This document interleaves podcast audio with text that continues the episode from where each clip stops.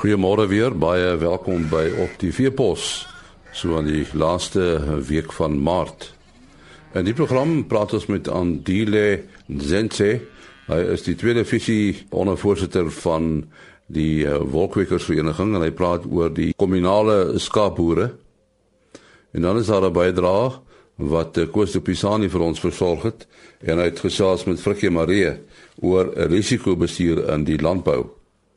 En dan 'n uh, kort stukkie veilingnuus.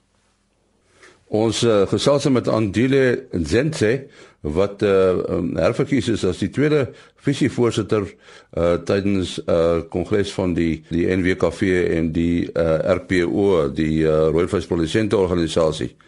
Andile, uh, this is the second time that you've been chosen as the vice chairman.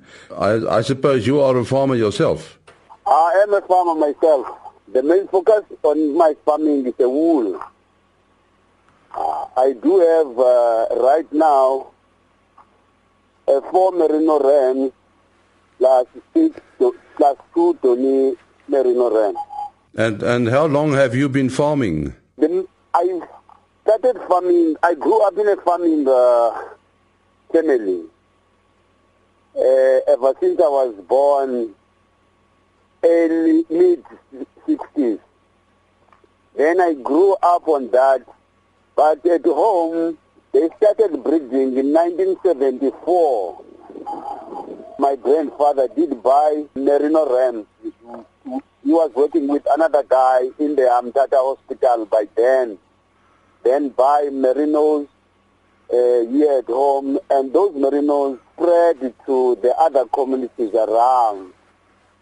Then I started then and grew up under farming community until uh, I left for school and I joined some forces and worked there. Then I come back and the main focus was in 1998.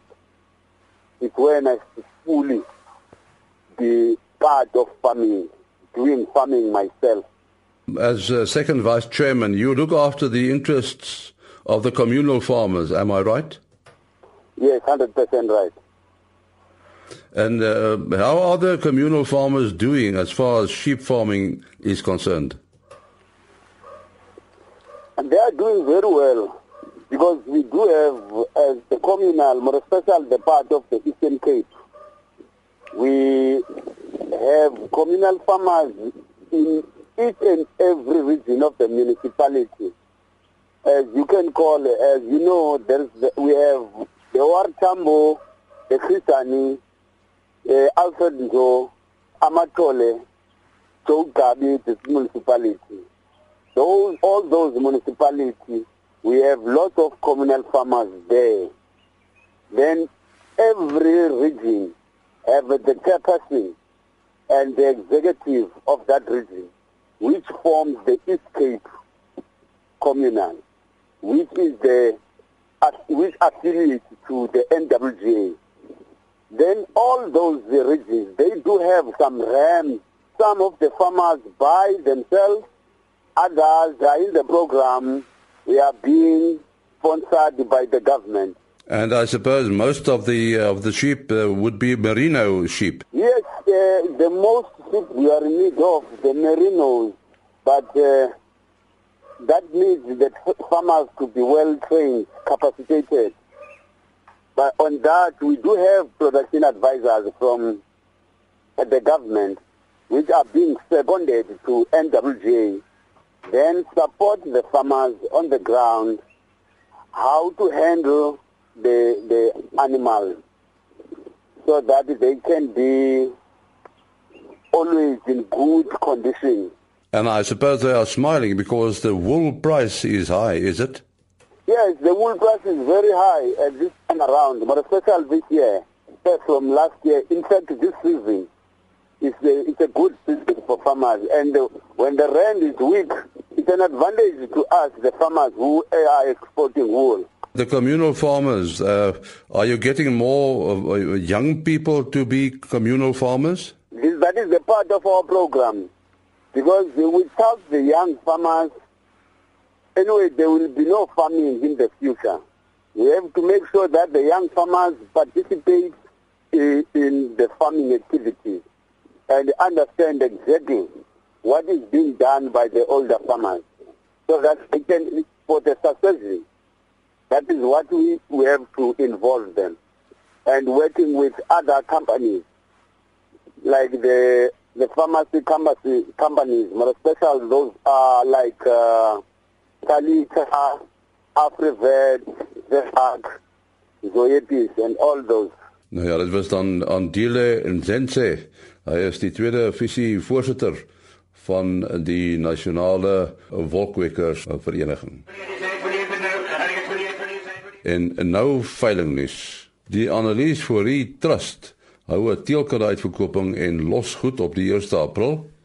En dit vind plaas by die Baltimore veilingkrale. Daar is ons Mara Hugenote en Brahmane en Simbra tipe beeste.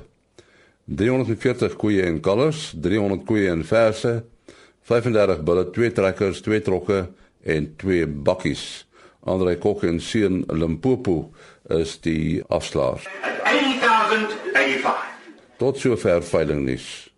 Frikkie Marie, 'n landbouekonoom van die Universiteit van die Vrystaat, was een van die sprekers tydens die RPO Noord-Kaap se reeks vergaderings.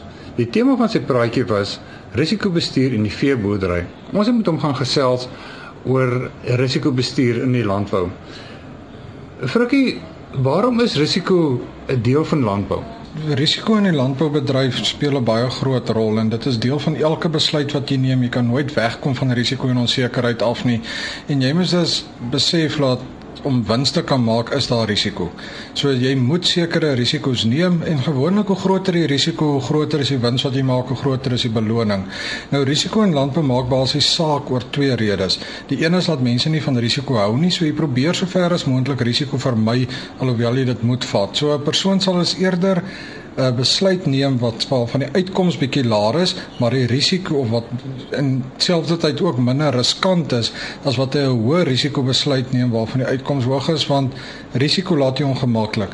Die tweede rede hoekom risiko in landbou so groot rol speel of so groot impak het, is die teenwoordigheid wat hulle in Engels sê downside risk. Nou downside risk gaan daaroor dat as jy net genoeg van 'n sekere item is baie goed vir jou, maar of te veel of te min kan vir jou skade berokken. 'n Goeie voorbeeld daarvan is reën. As jy net genoeg reën kry in 'n area, wonderlik. As jy te min reën kry, het jy droogte en jy het finansiële gevolge en as jy te veel reën kry in die vorm van 'n vloed of as die jaar net te nat is, het jy weer baie meer veesiektes wat groter kostes tot gevolg het. En dit is dan 'n tipiese voorbeeld van hierdie downside risk wat dit maak nie saak na watter kant toe hy beweeg nie jy kan benadeel word as daar nie net genoeg val nie. Nou beide van hierdie redes veroorsaak dat die finansiële posisie of die rykdom van die boer geaffekteer word en dit is wat die boere nie wil hê nie. So dit is hoekom dit um boerdery as 'n finansiële riskante onderneming gesien word en dis hoekom jy um bestuurspraktyke en versekerings en ander maatreëls in plek moet hê om hierdie risiko's te beheer. Elke risiko in die uh in die landbou uh, moet anders te bestuur word, maar ek glo daar is seker verskillende strategieë wat 'n boer moet volg om elke een van hierdie risiko's te kan dek.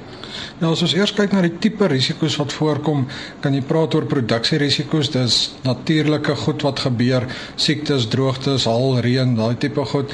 Dan is daar jy het finansiële risiko's. Dit is jou terugbetalingsvermoë, jou skuld-kapitaalverhoudings, jy het institusionele risiko's, regeer besluite wat die regering neem, wetgewing wat in plek kom. En dan 'n baie groot risiko is persoonlike risiko's. Jy as die jockey of die eienaar van die besigheid, as jy self iets moet oorkom, as een van jou werkers iets oorkom, as jou vrou iets oorkom, as jy môre nie meer daar is nie, is jou besigheid verseker, is jou planne in plek. Nou om hierdie risiko's te beheer of te bestuur, is daar basies 3 groepe risikobestuursmaatreëls waarna ons kan kyk. Die eerste een is voorkomende strategieë en dit is 'n strategie wat voordat die risiko plaasvind, stel jy om in plek om te keer dat jy nie die impak van die risiko ervaar nie. 'n goeie voorbeeld daarvan is halnette wat hulle oor vragteboorde span. So as die haal kom, gaan hy nie jou vragte afslaan nie, so jy doen dit voorkomend. Die tweede een is risiko-oordragstrategieë of in Engels praat hulle van die mitigation strategies. Nou dit is jou tipiese versekerings. So jy dra die risiko oor teen 'n koste op 'n versekeraar se naam. Jy stel dit in voor 'n risiko plaasvind. So as jou plantjies nog klein op die land staan, neem die versekerings uit, maar die risiko betaal of die versekering betaal eers uit wanneer die risiko pla klaar plaasgevind het. En dan die derde groep strategieë praat ons van in Engels van coping strategies en dit is nadat die risiko plaasgevind het, jy het nie vooraf iets gedoen om dit te voorkom nie, jy het nie 'n versekerings of 'n oordragstrategie gehad nie, dan is coping strategy strategieë wat jy in plek stel om saam met die gevolge van hierdie risiko te leef. En 'n voorbeeld daarvan is as dit baie droog is, jy kon nie verseker het toe die droogte nie, jy kon nie regtig die droogte om um, gekeer het voor die tyd nie. Nou sit jy met die gevolg van die droogte en die coping strategie is dan om voer vir jou diere te gee en jou diere te verminder en so te finansiëel oorleef. Is daar een of ander kortpad strategie wat 'n boer kan volg om dan van al hierdie risiko's uh versekerings uit te neem of uh, al die risiko's te te kan beheer? Nee, daar's ongelukkig geen kortpad nie. Um jy moet gaan sit by 'n tafel en jy moet kyk na jou risiko's. Jy moet hulle gaan neerskryf in verskillende kategorieë en elke risiko het sy eie stel voorkomings of oordrag of coping strategieë waar jy moet handel. Um so jy moet fisies jou risiko's gaan uitpak en dan moet jy 'n gebeurlikheidsplan in plek hê vir elke tipe risiko wat jou kan raak. Vir 'n voorbeeld as jy um tydelike werkers het, is al het jy versekerings indien hierdie werkers seker op 'n plaas. So as jy tydelike werkers kry, wat is jou plan wat daar in plek gestel is? As droogte weer kom, wat is jou plan? Hoe gaan jy te werk gaan? Gaan jy jou vee vinniger verkoop? So sit vir jou gebeurlikheidsplan in plek om in die verskillende risiko's om vinnig daarop te reageer en so effektief moontlik daarop te reageer. En ek dink die belangrikste van risikobestuur is om regtig net te weet watse risiko's is daar wat kan gebeur indien hulle plaasvind wat se gevolge en dan om te probeer bepaal hoe gereeld gaan hierdie risiko's voorkom want dit is 'n baie belangrike faktor in die bepaling van die bestuursmateriaal wat jy gaan kies. Nou hoe kan jy bepaal uh hoe gereeld gaan die risiko's voorkom? Dit hang af van die tipe risiko. As ons kyk na soos byvoorbeeld haal is al weerpatrone beskikbaar. Um, as ons kyk na droogtes of vloede kan jy ook kyk na weerpatrone. Nou hierdie goed is nie volgens die boek nie. Um, dit is maar tendense wat gevolg word. Maar deur historiese tendense te kyk van pryse en weersiklusse ensovoorts kan jy 'n redelike patroon sien en kan jy dan weet maar ek gaan een keer in 10 jaar min ongeveer min of meer 'n droogte of haal of watse tipe risiko ook kry. So alhoewel dit presies is nie, kan jy daarmee impak min of meer of die voor die verspreiding van hierdie risiko min of meer bepaal. Die probleem is egter om die impak presies te bepaal, weet jy nooit. So alhoewel jy weet dat al dalk een keer in 10 jaar gaan plaasvind, kan jy nie voor die tyd sê of jy 10% of 10 20% of 100% van jou oes gaan verloor nie. So dis hoekom ons praat van onsekerheid en risiko. Daar's altyd 'n mate van onsekerheid en dis hoekom jy 'n plan in plek moet hê. Ek wil amper sê soos hulle in Engels sê vir die worst case scenario. Um indien dit sleg gaan, wat gaan jy doen en hoe vinnig kan jy dit doen? Koos de Pisani het met Frikkie Marie van die Universiteit van die Vrystaat gepraat. daarmee ook die einde van ons program. Ons is môreoggend weer terug. Tot dan. Mooi loop.